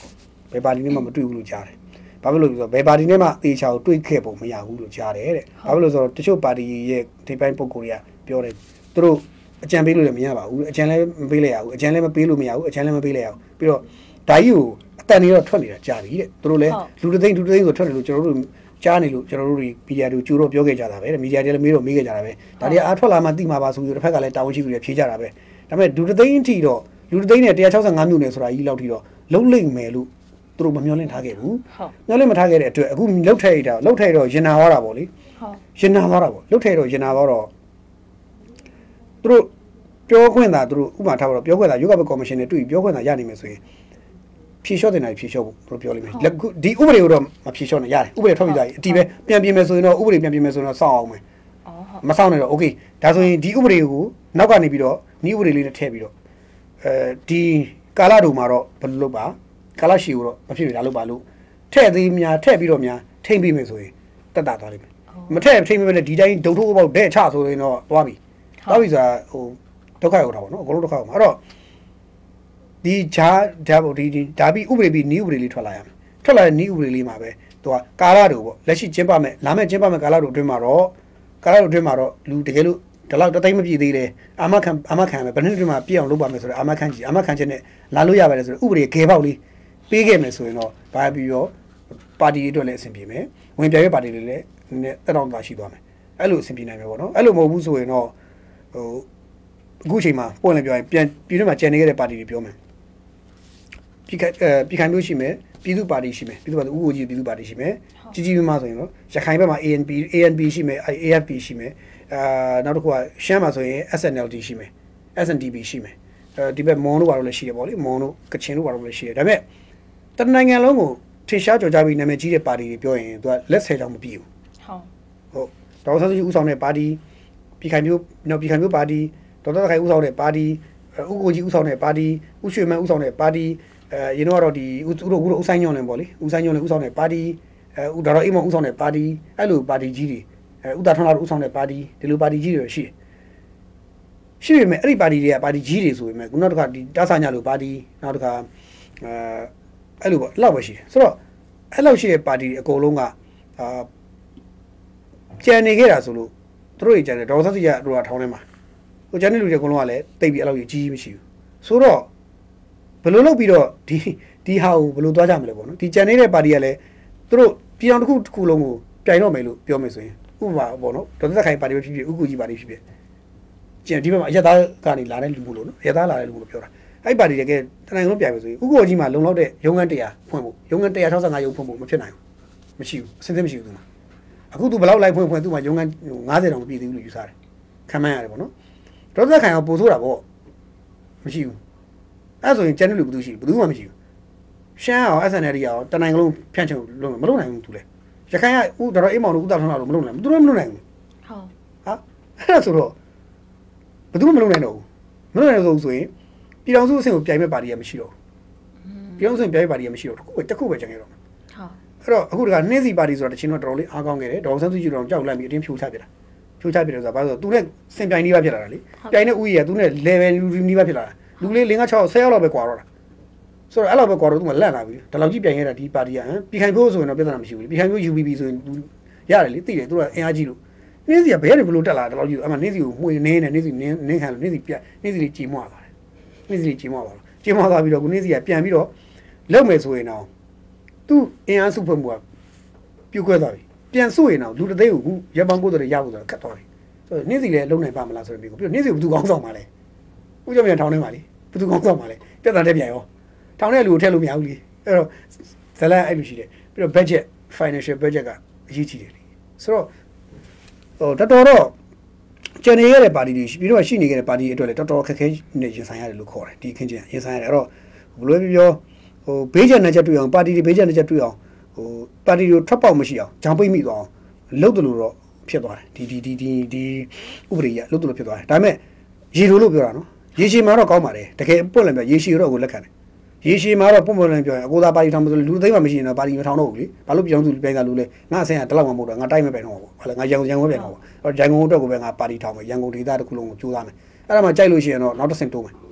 လူကြိုက်လာတဲ့တခြားတိုက်ဒေသတွေငါကြိုက်လာဆို okay အဲ့ဆိုရင်ငါတခြားတိုက်ဒေသတွေပါထပ်ပြီးဖြန့်ခွဲဖွင့်မယ်ဒါကိုနောက်တစ်ဆင့်လုပ်မယ်တို့တော့တနိုင်ငံလုံးပြန်တော့မယ်ဆိုဘယ်ပြန်တော့မလဲမဖြစ်နိုင်တော့ဘူးလူသေးဒီလိုမဖြစ်နိုင်ရေရှည်မှာလုပ်ကိုလုပ်တယ်ဟုတ်ရေရှည်မှာဒါမျိုးကလိုတယ်ပြီးတော့ နိုင်ငံခြားထောက်ပံ့တော့နိုင်ငံခြားနဲ့ဆက်သွယ်ချိတ်ဆက်ပြီးပတ်စံယူတဲ့ကိစ္စအားဒါမျိုးတွေကပါတီထဲမှာလည်းရှိလို့မရဘူးပါတီဝင်မှာလည်းမရှိလို့မရဘူးဘယ်သူကမှရှိလို့မရဘူးဆိုတဲ့ဟာလည်းကောင်းတယ်အရန်ဒါတွေကအကုန်ကောင်းတယ်အဲ့လိုဥပဒေကထွက်ထားတဲ့ဥပဒေအချက်လက်တွေကတော့ညင်းကျင်စရာမရှိအောင်ကောင်းတယ်ဒါပေမဲ့ညင်းကျင်စရာရှိတာကရေတို့အတွက်ရပောင်း90တသိန်းရပောင်း90လူတသိန်းရပောင်း180 165မျိုးနဲ့အဲသိန်းတစ်ထောင်သိန်းတစ်ထောင်တော့ပြဿနာမရှိပါဘူးသိန်းတစ်ထောင်ပြဿနာမရှိဘူးဆိုတော့အဲ့ဒါတော့တော်တော်တော့ဟိုပါတီတွေဒုက္ခပေးတယ်လို့တော့ပြောမှဖြစ်တယ် ဟုတ်ဟိုအကိုပေါ့နော်ဟိုဒီမီဒီယာသမားတယောက်အနေနဲ့ဒီ2010နဲ့ဒီ2023ဒီဒီဥပဒေနှစ်ခုကိုရှင်ပြီးတော့ကြည့်လိုက်တဲ့အခါမှာအကိုဘာဘာများထပ်ပြီးတော့လို့စဉ်းစားမိတာတွေးမိတာရှိသေးလဲအကိုအနေနဲ့ပေါ့ဒီ2010ကဗိုလ်ချုပ်မှုကြီးတန်းရွှေကိုယ်တိုင်ညီသားဗိုလ်ချုပ်မှုကြီးပေါ့လေဗိုလ်ချုပ်မှုကြီးတန်းရွှေညီသားဗိုလ်ချုပ်မှုကြီးတန်းရွှေကိုယ်တိုင်လက်မှတ်ထိုးထုတ်ခဲ့တဲ့2010ကတော်တော်လေးဒီပါတီတွေကိုပါစီခြင်းလို့ပြောပြောညင်တာပါခေါ်လိုက်တယ် ဟုတ်ကဲ့ပါတီတွေကိုပါစီခြင်းတာပါတီများခြင်းတယ်ပါတီဆိုဒီမိုကရေစီကိုသူကတိဆောက်မယ်လို့ပြောတဲ့အတွက်သူကအဲ့အတွက်ပါတီတွေများခြင်းတဲ့အတွက်ခေါ်လိုက်တယ်ဆိုးကျိုးကဘာလဲဆိုတော့တကားတွေဖွင့်လိုက်တဲ့အခါဖုန်နေပုံနေဝင်လာတယ်ဟုတ်တကားဖွင့်တဲ့လူကဖုန်နေဝင်လာတဲ့အခါမျိုးလုံးတွေဖုန်နေပုံနေဝင်ကုန်တယ်မျိုးလုံးတွေမျက်ချိပါအောင်ဖြစ်ကုန်အဲဖြစ်ကုန်တယ်ဆိုးကျိုးကတော့ခုနအဲ့လိုဖုန်နေပုံနေဝင်ကုန်တယ်အဲ့ဖုန်နေပုံနေဝင်ကုန်တာကိုဟိုဦးတန်းရွှေရဲ့ဆက်ခံသူဖြစ်တဲ့ဦးမင်းအောင်လိုင်ကလာပြီးတန်းရှင်းလုပ်နေတာတော့ဟုတ်တန်ရှင်းလို့တဲ့သဘောပဲဘာလို့ဒီလိုဖုန်းနေမုံနေဝင်လို့ပြောလို့ဆိုကြားထဲမှာဖြစ်ခဲ့တဲ့အခင်းချင်းဟာ အာ2010ရွေးကောက်ပွဲမှာဦးသိန်းစိန်ဆိုတာတက်လာတယ်ငါနဲ့တော်တော်လေးနေလို့ထိုင်လို့ကောင်းတယ်ဟာငါတို့တော့ပါတီဆိုဒီမိုကရေစီနဲ့စပြီငါတို့တိုင်းပြီးတော့ဒီမိုကရေစီလေးရှင်းသန်ပြီအပင်လေးတော့ပေါက်လာပြီအပင်လေးစပေါက်လာပြီအပင်လေးကဘယ်လောက်လဲဆိုတော့ဟိုငါးနှစ်သားအပင်လေးပေါ့လေငါးနှစ်တိတိကြာတယ်ငါးနှစ်သားအပင်လေးပေါက်လာတဲ့ခါမဲအပင်လေးကအတီးပုံလေးတော့စကူးစားလို့ရနိုင်စိတ်ချမ်းသာနေတယ်အဲ2015ရွေးကောက်ပွဲအေးဒေါက်တာဆူဂျီတို့အစိုးရတက်လာနိုင်သွားတယ်သူတို့နိုင်သွားတယ် NLD ပါတီနိုင်သွားပြီးတော့တက်လာတယ် အဲ့ငါငါးနှစ်ကငါတို့ကတော့ပထမငါးနှစ်ကအတိပွင့်လေးစကူးစားလို့ရပြီဒုတိယငါးနှစ်ကတော့မျိုးစေ့ပါပြန်ချလို့ရပြီလို့ငါထင်ကိုတို့ကတွတ်တာဒါပေမဲ့တကယ်လည်းမျိုးစေ့ချသွားတယ်ပြဿနာကအကိုတို့ site တုန်းကတော့ဟိုပါပေါ့နော်ကိုတို့ site တုန်းကတော့ဟိုလူတွေကြိုက်တဲ့လီမိုသီးပင်လေးပေါ့လီမိုသီးပင်လေးပေါ့ပန်းသီးပင်လေးစိုက်တာချူချူလေးတွေပေါ့ချူချူလေးတွေအရသာတွေလူတွေလာပြီးတယ်စိုက်တာဒါပေမဲ့အဲ့ဒီအပယ်ကို2015နဲ့2020ကြားထဲမှာ hybrid ပေါ့မျိုးဆက်ပလိုက်တယ်မျိုးဆက်ပလိုက်တဲ့ခါကျတော့ထွက်လာတဲ့အပင်အသီးတွေက တံပရာသီးတံပရာသီးလိုမျိုးချင်းလို့ချင်းဗတိုင်းသီးလိုမျိုးယူလို့ယူအဲ့လိုဖြစ်ကုန်တာဖြစ်ကုန်တော့သူပြန်ပွားလာတဲ့မျိုးစီကဗတိုင်းစီတွေဖြစ်ကုန်တယ်တံပရာစီတွေဖြစ်ကုန်တယ်အဲ့တော့ပေါက်ပြပေါက်လာတော့အဲ့ကနေပွားထွက်လာပေါက်လာတာတွေကဗတိုင်းစီတွေတံပရာစီတွေဖြစ်ကုန်တော့အခုဒတိုင်းပြီးလို့ဗတိုင်းစီစားယူလို့ဖြစ်ကုန်ယူသလိုယူသလိုဖြစ်ကုန်ပြီအကုန်ဒတိုင်းပြီးလို့က YouTube ပေါ်တော့နေလှုပ်ချင်ရှောက်လို့ကုန်တယ်အဲ့တော့အဲ့တော့အကုန်ယူတာတယောက်တည်းမဟုတ်ဘူးနော်အကုန်ယူတာအကုန်ယူပြီးတော့ YouTube ပေါ်လှုပ်ချင်ရှောက်လို့ဖြစ်ကုန်ပြီးတော့အခုတော့အဲ့ခင်းချင်းကိုကြည့်ပြီးတော့ဘာဖြစ်သွားလဲဆိုတော့ တပါတီတဲ့ရွေးကောက်ပွဲမှာပြန်ကြည့်လိုက်ရင်9နှစ်အတွင်းမှာဦးသိန်းစိန်ဆိုတာ9နှစ်မှာသွားတဲ့ခင်းချင်းနဲ့ဒီဘက်ဒေါ်စိန်ဆိုတာ9နှစ်မှာသွားတဲ့လွတ်တော်ကြီးကိုလှမ်းကြည့်လိုက်ရှင်လိုက်ရင်တချို့တွေတော်တော်များသိသွားကြအဲ့10နှစ်ကိုဖြတ်သန်းခဲ့တဲ့လွတ်တော်ကိုယ်စားလှယ်အကုန်လုံးကပြောတဲ့တူညီတဲ့ချက်ကဦးသိန်းစိန်လွတ်တော်တော်ကလွတ်တော်ထဲမှာပြိုင်ဆိုင်အများကြီးဆိုင်တပိတ်လို့လို့ရတယ်ဒေါ်စိန်လွတ်တော်ထဲမှာတပိတ်လို့လို့မရတော့ဟုတ်တပိတ်လို့လို့မရတော့ဘူးဘလို့ညင်းလို့မရဘူးဥပမာတိုင်းရင်းသားပါတီတွေအတွက်ကိုဒီဘက်ကတင်ပြီးတယ်ပုံမှန်နှစ်နှစ်နှစ်နှစ် နှစ်နှစ်6တက်ပေါ့ပုံမှန်နှစ်6တက်ကိုပြင်တာနှစ်6တက်လားနှစ်6လောက်ပြီးပေါ့တော့ပတ်လေတွေပဲဖြစ်ဖြစ်ချဲထိုးသူပတ်လေတာထိုးတော့နော်နှစ်6လောက်ဖြစ်ဖြစ်အဲ့တော့ ပတ်လက်တာသူ ပတ်လေတာထိုးတော့တော့လာရှာကြီးပတ်လေတာထိုးကြကွက်ကိုဟိုနှစ်6တက်လားနှစ်6လောက်နည်းရောပါလို့โอเคအဲ့တော့ तू ကတိုင်းရင်းသားတွေတိုင်းရင်းသားဒေသတွေမှာတိုင်းရင်းသားပါတီတွေကအနိုင်ရခဲ့ရင်တိုင်းရင်းသားပါတီတွေကနေပြီးတော့ဝင်းချုပ်ရွေးချယ်ခွင့်ရရမယ်ဆိုတဲ့အခွင့်အရေးမျိုးကိုပေးဖို့ဖွဲ့ဖို့အခြေအုပ်တွေမှာပုံမှန်နှစ်6တက်ကိုပြင်ရမယ်ဆိုတဲ့ဟာမျိုးပြောတယ်ပြင်သင့်တယ်လို့ဆိုပြီးတော့ပြည်ခိုင်ပြောကတင်တယ်နောက်တက်တက်ဘက်ကတင်တယ်တက်ကိုယ်စားလှယ်တွေကတင်တယ် NLD ကပယ်ချတယ်လွတ်တော်မှာဆွေးနွေးစရာအကြောင်းမရှိဘူးတော့ဆွေးနွေးလို့မရဘူးမင်းတို့တင်ရမှာမဟုတ်ဘူးတကယ်တင်ရမယ့်ဖွဲ့ကမင်းတို့မဟုတ်ဘူးငါတို့တင်ရမှာမင်းတို့မဆွေးနွေးနဲ့တင်ခွင့်မပေးဘူးဆိုတော့ပယ်ချလိုက်တော့တင်လို့မရဘူးလွတ်တော်မှာလွတ်တော်ရဲ့အဆိုတွေအားလုံးတင်ဖို့လွတ်တော်ဥက္ကဋ္ဌပယ်ချရင်အကုန်ပြီးတယ်မင်းမင်းကြိုက်တော့ကဘာကြီးလောက်ကြီးအောင်ကြီးကြီးလွတ်တော်ဥက္ကဋ္ဌပယ်ချလိုက်ပွဲပြီးသွားအားလုံးဝိုင်းဆွေးနွေးတင်ပါတယ်လို့ပြောလေလွတ်တော်ဥက္ကဋ္ဌပယ်ချတယ်ကွာဘာဖြစ်လဲဆိုရင်ဘာမှလုံးမရဘူးအဲ့လိုဆိုတော့ပယ်ချတယ်အဲ့လိုမျိုးပယ်ချတာရှိတယ်အဲ့လိုမျိုးတိုင်းသားခွင့်ရည်တွေနဲ့ပတ်သက်ပြီးတော့ ဒီလွှတ်တော်ထဲမှာပယ်ချခဲ့တဲ့အခင်းချင်းတွေက NLD ထက်မှာဖြစ်ခဲ့တယ်ဆိုတော့တိုင်းရင်းသားတွေကို NLD အခွင့်အရေးမပေးချင်ဘူးလားဆိုတဲ့အထိပ္ပယ်သွားတက်ရောက်တယ်ဆိုတော့နောက်ထပ်ထောက်ဆရာတစ်ချက်ထပ်ရှိသွားတယ်ရခိုင်နေသိတယ်ရခိုင်တိုင်းသားတွေသိတယ်ရခိုင်ပြည်နယ်မှာရခိုင်ပြည်နယ်မှာရွေးကောက်ပွဲမှာရခိုင်တွေအများဆုံးနေတယ်ဟုတ်ရခိုင် ANP နဲ့ရခိုင်အဖွဲ့တွေအများဆုံးနေတော့ရခိုင်ပြည်နယ်ရဲ့လွှတ်တော်ကြီးတစ်ခုလုံးကရခိုင်ပြည်နယ်လွှတ်တော်တစ်ခုကရခိုင်တိုင်းသားတွေအများဆုံး NLD ကလူနေနေလေးပဲပါတယ်ပြည်ခိုင်ပြည်ကလူနေနေလေးပါအားလုံးပေါင်းလုံးက90ရာခိုင်နှုန်းကရခိုင်တိုင်းသားတွေရခိုင်ပါတီတွေရဲ့လူတွေပဲ90ရာခိုင်နှုန်းတဲနဲ့ဆရာတွေလောက်တာလေး ဒီပြည်မဘို့ဘယ်လိုခေါ်လဲဒီကျန်တဲ့ပါတီရဲ့လူတွေဆိုတော့ရခိုင်ပါတီတွေအားကောင်းနေပြီးတော့ရခိုင်လွတ်တော်မှာအားကောင်းနေတဲ့အချိန်မှာအခုဒါ NLD ရဲ့ဟိုခေါင်းဆောင်ပေါ့သူဘာလို့ရမလဲဆိုရင်စီယုံတော်တိုင်းသားကိုအဲရခိုင်ပြည်နယ်မှာရခိုင်ပြည်နယ်နိုင်ရတဲ့ပါတီရဲ့ဥက္ကဋ္ဌကိုခေါ်ပြီးတော့ကိုဘသူကြီးတွေ့ပြီးတော့ကဲရှင်တို့ရခိုင်မှာတော့ရှင်တို့အများဆုံးနိုင်တယ်အဲ့တော့ဝင်းချုပ်ကိုရှင်တို့ရှင်လောက်ပါဒါပေမဲ့ဘ ਹੁ ဥပဒေတွေတော့ခင်ဗျားတို့ရှင်တို့ပူပေါင်းပြီးတော့လောက်ပါ ရခိုင်လွတ်တော်မှာလည်းရှင်တို့ပဲရခိုင်ဟိုဝင်းချုပ်ကလည်းရှင်တို့ပဲလုပ်ပြီးတော့လွတ်ဟိုတော့မလုပ်ပါဘူးဟိုထရဆိုင်တော့မလုပ်နဲ့တိုင်းပြည်ရောတော့မထိခိုက်ဘူးနေဆိုပြီးတော့ထိန်းလို့ရတယ်လေဖန်ထိန်လိုက်ရင်ရခိုင်ဘက်ကလည်းငြိမ်သွားမှာအဲ့တော့ရခိုင်ရလူတွေကသူတို့ဝင်းချုပ်ဖြစ်ဖြစ်ဖို့သူတို့အစိုးရဖွဲ့ဖွဲ့မယ်ဆိုပြီးတော့ request လုပ်တယ်အဲ့ဒါကို energy ပယ်ချတယ်ငါတို့ကဘ ਹੁ ပြည်အောင်စုခလုံးနိုင်တာမဟုတ်လို့ငါတို့ပယ်ချတယ်ပယ်ချခွင့်ရှိတယ်ဖွဲ့စည်းဝင်ချေအောင်လို့ပါထားပြီးသားပြည်အောင်စုအစိုးရဖွဲ့ကဖွဲ့စည်းတဲ့အစိုးရဖွဲ့ပဲဖြစ်ရမယ်ပြည်နယ်အစိုးရဖွဲ့စည်းတဲ့အစိုးရဖွဲ့မရှိရဘူးဆိုတာဆိုတော့ပြည်နယ်အစိုးရဖွဲ့စည်းတဲ့အစိုးရဖွဲ့ဆိုတာဝင်းကြီးချုပ်ကို ပြည်အောင်စုအစိုးရဖွဲ့ခန့်ပြီးပြီးဝင်းကြီးချုပ်တော့စက္ကန့်အဲ့လိုကြီးဆိုတော့အဲ့ဒါကိုခုနပုံမှန်နှစ်ချောက်တင်နဲ့ပြင်ပလိုက်မှရမှာအဲ့ဒါကိုကြတော့ပြင်ဖို့လွတ်တော်မှာတင်တော့လဲတင်ဖို့မပေးဘူးဟိုမှာလဲဖွဲ့ခွင့်မပေးဘူးအဲ့လိုလုပ်ခဲ့တော့ဒါနေခင်းချင်းကြည့်တဲ့ခါကျတော့ဘာလို့တော့ရဆိုတပါတီကြီးစိုးမှုအားကောင်းသွားပြီတပါတီတဲ့အများဆုံးနိုင်သွားတဲ့အခါမှာဘလို့မှဟိုပြောလို့ကိုမရတော့ဘူးသူအင်အားကြီးတာကိုလူအုပ်တောင်တော့တခုတော့ပြောလို့ရှိရင်လူအုပ်ကြီးကမင်းကဘာလဲလက်ညှိုးလေးတွေဝိုင်းထိုးလိုက်ရင်တော့အလိုရင်းသိငယ်သွားတာဆိုတော့မင်းဘာလဲဘာမင်းဘာကပြောရလဲဆိုရင်လူအုပ်ကြီးလေ ကျန်ကျန်တဲ့ရက်ွက်ထဲမှာကြည့်ပါလေမင်းဘလောက်ဖိုက်တာဖြစ်ဖြစ်လေဟိုကအခုဘာပြောချင်လို့လဲဆိုနောက်ကလူကတအုပ်ကြီးမတ်ရက်ရက်ပြလိုက်ဟိုညီလေးဘာမှမဟုတ်တော့နော်သိဘာမှမဟုတ်တော့ကြောက်တာဗောလူလူကြီးလူဆိုကြောက်တယ်လွတ်တော်ထဲမှာလည်းအဲ့လိုအင်းနဲ့အားနဲ့အုံနေကြီးဆိုတော့ကြောက်တာဆိုတော့ဒီခင်းချင်းကြီးကိုသူတို့မြင်သွားတယ်ဒါကြောင့်လေ PR စနစ်ကိုပြောင်းမယ်လို့ဆိုပြီးတော့ဒီ NASA ကတရားဝင်ကြီးညာပြီး PR စနစ်ကိုချိန်တယ်အဲ့တော့ PR စနစ်ရွေးကောက်ပွဲကိုလုပ်မယ်ဆိုပြီးဆုံးဖြတ်ပြီးတော့မှဒီဥပဒေနဲ့ PR စနစ်ကိုချက်ပင်ထုတ်ပလိုက်တယ်ချက်ပင်ထုတ်လိုက်တော့ကောင်းသလားဆိုတော့ခုနကပြောသလိုကောင်းတယ်ဒါပေမဲ့နည်းနည်းဆက်တယ်ကောင်းတယ်ဆက်တယ် ဘာလို့ဆက်တယ်လေပူဆက်ပူလောင်တယ်သိမလားနိုင်ငံသားတွေပူဆက်ပူလောင်ဖြစ်ကုန်တာကောင်းတယ်ဘလို့တူတူဒစိမ့်စိမ့်စားဟိုပြောဗာမဲလို့ဆိုတော့ဟိုဟာဗာမဲလဲဆိုတော့ဟိုဟိုဗာလဲခေါ်တော့ရှိတယ်ဝင်သွားအဝင်သွားတော့ခါတယ်ဒါပေမဲ့ပြီးရင်ရှောင်းမစိမ့်စိမ့်စိတ်ပြီးကြံခဲ့တာကောင်းတယ်ဒါပေမဲ့လောဆိုတော့စက်တယ်အခုပါနိုင်ငံရေးပါတီအကုန်လုံးစက်ကုန်တာဟိုစက်တယ်လေတကယ်စက်ကြကြီးလည်းဖြစ်ကုန်တာဘာလို့အခင်းချင်းတွေကစက်အောင်လုပ်လို့ဖြစ်သွားတာဟုတ်ဆိုတော့နည်းနည်းတော့စားလေးနဲ့ပတ်လိုက်တဲ့သဘောပဲနိုင်ငံရေးပါတီကိုအဲ့တော့ဟိုအခုတယောက်ချင်းဂျန်လစ်ကြောက်နေနေဒီ2010 ဟိုဟိုဟာကိုကြိုက်ပါသလား2010နဲ့2023ဘယ်အောင်ကြိုက်ပါသလဲဆိုနှစ်ခုလုံးကြိုက်ပါတယ်လို့တခုမှမကြိုက်တာမရှိပါဘူးလို့ဆိုမကြိုက်ဘူးလို့လည်းမပြောရပါဘူးလို့အကုန်လုံးကြိုက်ပါတယ်လို့ဒါပေမဲ့ပြေဟိုဖြေလျှော့တင်တာကြရင်ဖြေလျှော့ဖို့တင်တယ်ဟုတ်အချိန်နဲ့ချိန်ကားနဲ့ခက်ကားလောက်ညီလိုက်ရုံးကြီးတွေကြည့်ပြီးတော့မှဖြေလျှော့တင်တာဖြေလျှော့တင်းတင်တာတင်းကျိုးဆိုတာတင်းတိုင်းလည်းမကောင်းဘူးလျှော့တိုင်းလည်းမကောင်းဘူးမလျော့မတင်းဆိုတာလေးပဲကြားဘူးတယ်မလျော့မတင်းစောင်းကျိုးညှင်းပဲကြားဘူးတယ်တင်းတင်းမာမာပြက်တီကွာလို့တင်းတင်းမာမာဆိုရင်ပြက်တီကွာပဲနော်ရော့ရော့တော်တော်ပြဲကွဲပြီပဲပဲရှင်းရှင်းလေးရနော်အဲ့တော့ တင်းအောင်ပြက်အောင်တော့မလုပ်ဘူးပြောအောင်လေမလျော့မတင်းလေးနဲ့ပဲသွားရမှာပဲလို့နားလဲတယ်ဒါကြောင့်2010ကိုလည်းကြိုက်ပါတယ်2023လည်းကြိုက်ပါတယ်သို့တော့ပြောင်းလဲတင်တာလေးဖြစ်ဖြစ်တင်တာလေးတွေဖြည့်လျှော့တင်တာလေးလုပ်ဖို့တင်တယ်လို့တော့ပြောချင်တယ်အဲဂျားဒီ10နှစ်ကျော်အတွင်းမှာတွေ့ရတဲ့အခင်းချင်းတွေအရဆိုရင်တော့23ဟာ10နှစ်ကျော်အခင်းချင်းမှာမြင်လိုက်ရတဲ့အခင်းချင်းကြောင့်ဒီ23ဟာဖြစ်လာခဲ့တာလို့တော့ပြောရမလို့ဖြစ်တယ်ဟုတ်ဟုတ်အဲအဲ့ဆိုလို့ရှိရင်ဒီနေ့အတွက်အပိတ်လေးပြောပြပါအောင်ကိုဒီနေ့အတွက်ဟွာကတော့အပိတ်ကတော့ ဟိုတချို့ဒီ public ပြည်သူတွေကတော့တချို့ရသားပေါ့နော်ရသားပြည်သူတွေကတော့အခုရှိဆက်သွယ်ပြီးတော့ပြောတယ်ဟိုမနေ့ကညလေးဥဒ္ဒနေမှာထည့်ပြောလိုက်တာဟုတ်ထည့်ပြောလိုက်တော့သူကထည့်ပြောတယ်တတိယညပေါ့ထည့်ပြောတယ်ထည့်ပြောတော့သူတို့ကဘာပြောလဲဆိုတော့အဲတချို့တွေလာပြောတယ်မှတ်ချက်ပြီးတာပေါ့ကျွန်တော်တို့အဲ့ဥပဒေကြိုက်တယ်တဲ့ဒီလက်ရှိဥပဒေကိုထွက်လာတဲ့ဥပဒေကြိုက်တယ်ကျွန်တော်တို့ကြိုက်တယ်တဲ့ဆိုတော့ဘာဖြစ်လို့လဲသူတို့ကြိုက်ရခြင်းအကြောင်းရင်းပြောရခြင်းအကြောင်းရင်းပါဆိုတော့ကျွန်တော်တို့ကဥဆောင်မယ်ဆိုတဲ့ပါတီတွေကကြည့်လိုက်တော့လူ10ယောက်နဲ့တပါတီထောင်ထားတယ်9ယောက်နဲ့ပါတီတပါတီထောင်ထားတယ်မင်းလည်းဥက္ကဋ္ဌငါလည်းဥက္ကဋ္ဌ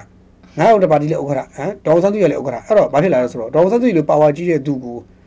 လူ90ဆယ်တော်ပြည့်တဲ့လူကလည်းဥက္ကဋ္ဌထောင်ပြီးတော့ခင်ဗျားလည်းဥက္ကဋ္ဌကျွန်တော်ဥက္ကဋ္ဌခင်ဗျားဘာစကားပြောရလဲဆိုတော့ဟိုကဘာပြောရမှာလဲပြောချင်တာပြည်ခိုင်ပြောဥက္ကဋ္ဌတယောက်ဒေါ်ဆန်းသူကြီးကိုခင်ဗျားလည်းဥက္ကဋ္ဌကျွန်တော်ဥက္ကဋ္ဌပြောရင်ပြဿနာမရှိဘူးလေသူပါဝါသိမ့်မကွာဘူးဟုတ်โอเคအဲ့တော့ထားပါတော့ဥက္ကိုကြီးရဲ့ဒေါ်ဆန်းသူကြီးကိုအမေအမေကဘာဘာဖြစ်လို့ပဲဖြစ်ကျွန်တော်လည်းဥက္ကဋ္ဌပဲလေအမေဆိုပြောရင်တော့ယာသေးတယ်ဒီလောက်တော့ဟုတ်အခုတချို့ကျတော့ပြန်ကြည့်လိုက်84ပါတီမှာလေပို့ဝင်ပြောရင်ပါတီ30 40လောက်ကလေ ဥက္ကဋ္ဌအဆင့်တန်းကိုမရောက်ဘူးမရှိဘူးမရှိဘူးပြောရင်အဲ့ဥက္ကဋ္ဌအဲ့ပုံကကိုယ်စိတ်ဆိုးမှာမရှိဘူးလို့ပြောချင်ပြောရင်ပါလို့ဆိုတော့ပါတီဥက္ကဋ္ဌတယောက်လုပ်တော့မယ်ဆိုရင်ပါတီဥက္ကဋ္ဌတယောက်ရဲ့အရေးချင်းမျိုးရှိဖို့လိုတယ်ပါတီတစ်ခုကိုဥဆောင်နိုင်တဲ့အဆင့်တန်းမျိုးရှိဖို့လိုတယ်အဲ့ဒီအဆင့်တန်းမျိုးဆိုတာဘာလဲမင်းကိုယ့်ကိုလုံလောက်တဲ့ထောက်ခံမှုကိုကစူးစမ်းပန်းစားရိုက်ပြရမယ်ဟိုလူကပိတ်ထားလို့ဒီတော့ပိတ်ထားလို့မဆိုင်ဘူးကိုကရအောင်စူးစမ်းရအောင်ကိုယ့်ကိုယ်ကိုအရေးချင်းပြပြီးပေါ်လေးထောင်းမှာအဲ့လိုထောင်းပြီးတော့မှကိုကအင်အားကြီးတဲ့အားကောင်းတဲ့ပါတီတစ်ခုကောင်းတော့ဖြစ်လာတော့မှဒေါန်ဆော့ကြီးနဲ့ခုံချင်းရှင်ထိုင်လေဟုတ်ဥဝါရုံနဲ့ဦးတန်းထေးတို့ဦးခေယူနဲ့ခုံချင်းရှင်ထိုင်လေ သူကဘာလဲဆိုခုံချင်းလည်းရှင်ထိုင်နေသေးတယ်ကိုယ့်ကိုကြည့်တော့လူကနောက်ကြည့်တော့နောက်ပါအင်အားကြီးတော့၃ယောက်လား၄ယောက်လားဒါပဲရှိတယ်ဆိုတော့မဖြစ်နိုင်ဘူးလေအဲ့ဒါကြတော့ပါတီထောင်တာတော့မကြိုက်ဘူးအဲ့လိုကြောင့်ခုနအဲ့တော့အဲ့လိုပါတီတွေများခဲ့ကြတယ်ဆိုတော့သူတို့ထောက်ပြတယ်အဲ့ဒါကြောင့်သူတို့ကဒီအချိန်မှာအဲ့လိုလူတသိန်းတစ်ထက်ရှိတဲ့ပါတီခေါင်းဆောင်ဥက္ကဋ္ဌတွေပေါ်လာပြီးတော့ပါတီကိုနိုင်ငံဥဆောင်နေဆိုရတယ်သူကြိုက်တယ်ဒါမျိုးဖြစ်စေချင်တယ်တဲ့ကြိုက်တယ်တဲ့အဲပြီးတော့ဘာထက်ရှိလဲဆိုတော့သူတို့အရေးကြီးဆုံးတစ်ချက်ကဘာလဲဆိုတော့ဒီနေ့လူအခင်းချင်းကြီးပေါ့ဒီနေ့နိုင်ငံအခင်းချင်းလူအခင်းချင်းကြီးပါအကယ်၍သာလူတသိန်းနဲ့အထက်ရှိတဲ့ပါတီသား NLD နဲ့ဖြတ်ပြိုး မှလွဲရအခြားသောပါတီနောက်ထပ်9ခုရှိခုလောက်ရှိခဲ့အဲ့ဒီပါတီရဲ့ခေါင်းဆောင်တွေစုပြီးတော့လူတို့ကိုစီယုံလို့ရတာပေါ့တဲ့စုပြီးစီယုံပြီးတော့လူတို့ကိုမလုတ်တင်နိုင်ဘလို့တားတင်နိုင်တားလို့ရတားလို့ရတာပေါ့တဲ့အခုကျတော့ပြန်ကြည့်လိုက်လို့ချင်းတားတင်တယ်ဆိုတဲ့ပုံကိုထိတ်ဆုံးနေတားတင်တယ်ဆိုတဲ့ပုံကိုဖြစ်ဒေါ်ဆုံးစုရထောင်းနေမှာဟမ်ပြည်ခိုင်ပြောဥက္ကဋ္ဌကျတော့လေဟိုဟာဦးတန်းဦးတန်းထေးကတော့နားပါပြီဆိုဦးခင်ကျတော့လေ လက်သီးကိုဆုပ်လက်သီးကိုအနုံလို့မျက်ရည်ကိုတုတ်ဓာတ်ကိုဆုပ်ရည်ရှေ့ကိုတန်းတိုးမယ်ဆိုတော့ဟာခုတ်တော့မလားဆက်တော့မလားဆိုအပြဿနာပဲဟုတ်လေတားမယ်ခဲမှာမတားပဲနဲ့မင်းတို့လည်းမင်းတို့လာလို့ချကွာဆိုတော့ဟာပြဿနာပဲဒုက္ခပဲအဲ့တော့ထားပါတော့နောက်တစ်ခါတခြားဝါရီရောဆိုတော့အခြားဘက်တွေရောဆိုအခြားပါတီဥကိုကြီးကြတော့ပြောလို့ရတော့ပြောတော့ပြောနေတာကိုကြီးကြောက်ကြောက်နဲ့ပြောနေသူလေသတိနဲ့ထားပြောနေရမဟုတ်သူကအတိုက်ခံဖိပြောလို့ရှိရင်လေဟိုဘက်က UGB တဲ့ကောင်တွေသူ့လာတာမှာမိသားစုကဒုက္ခပြီမှာ အခုတော့ဦးကိုကြီးတို့ဘောမာဆိုဆော်တာလှော်တာရရမရှိဘူးဦးကိုကြီးဆိုပဲသားလို့နော်အဲ့တော့တခါတခြားသောပါတီ NLD ပါတီတွေမှာတချို့ထင်ရှားတဲ့တချို့လူရှိတယ်ရှင်းမထွက်ရဘူးထွက်မဲ့ပြင်လိုက်ရင်ခေါင်းလေးပြူလိုက်ရင်ခဲနဲ့ဝိုင်းပေါက်မဲ့လုပ်တာဆိုတော့ဟာဒုက္ခပဲခဲနဲ့ဝိုင်းပေါက်တဲ့လူလူအုပ်စုကပဲသူတို့ပဲမှန်တယ်လိုမျိုးတကယ်တော့ခဲနဲ့ပေါက်တာရိုင်းသလားမင်းသူတို့သိတယ်ဒါပေမဲ့သူတို့ကခဲနဲ့ဝိုင်းပေါက်ဖို့ကြိုးစားတယ်ဆိုတော့အဲ့လိုကြီးဆိုတော့အာသူတို့ဒီနေ့အခင်းချင်းမှာအဲ့လိုပါတီအကြီးကြီးအများကြီးရှိနေဖို့လိုအပ်ပါတယ်တဲ့ရှိနေမှဒီနေ့အခင်းချင်းမျိုးကိုထိန်းချောင်းနိုင်မှာ မဟုတ်ရင်မရှိရင်မထိန်းချောင်းနိုင်တော့ပါဘူးတဲ့အဲဒါကြောင့်မလို့လိုအပ်တယ်ပေါ့ဆိုတော့သူတို့ပြောတာလည်းဟိုမှန်ပါတယ်မျှတာပါတယ်လူဟာသူ့ဆန္ဒတာသူပြောလို့ရတယ်မှန်တယ်မှာသူသူ့တော့သူမှန်တယ်ပေါ့ဘယ်သူပဲဖြစ်ဖြစ်မှားတယ်လို့ပြောဘူးနောက်နောက်ထပ်တစ်ခုဥပမာလေးကိုတော့အိန္ဒိယထိုင်းမှာအခုဖြစ်နေတဲ့ပြဿနာအခုဖြစ်နေတဲ့ပြဿနာလူတွေကမေ့နေတာ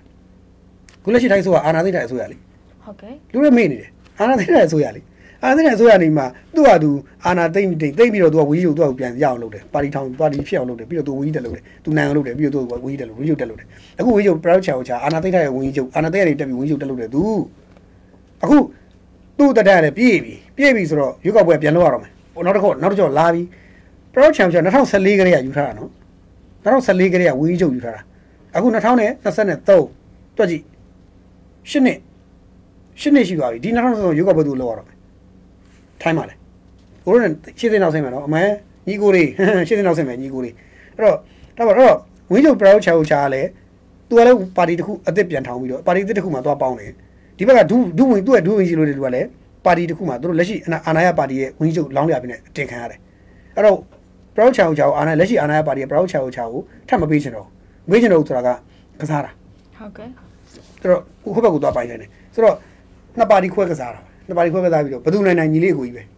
အဲထိုင်းမှာလုပ်နေတာဆိုတော့ဒါပေမဲ့ထိုင်းမှာပါတီကရှက်နေရှက်သွားတယ်ဆိုတာအားပြော့သွားပြီးတော့နောက်အခြားပါတီတွေပေါ်လာလူငယ်မျိုးဆက်ပါတီတစ်ခုထပ်ပေါ်လာတယ်အခြားပါတီတွေပါအဲ့တော့တပါတီတဲ့အားကောင်းတဲ့စနစ်ကထိုင်းမှာရိုင်သွားတယ်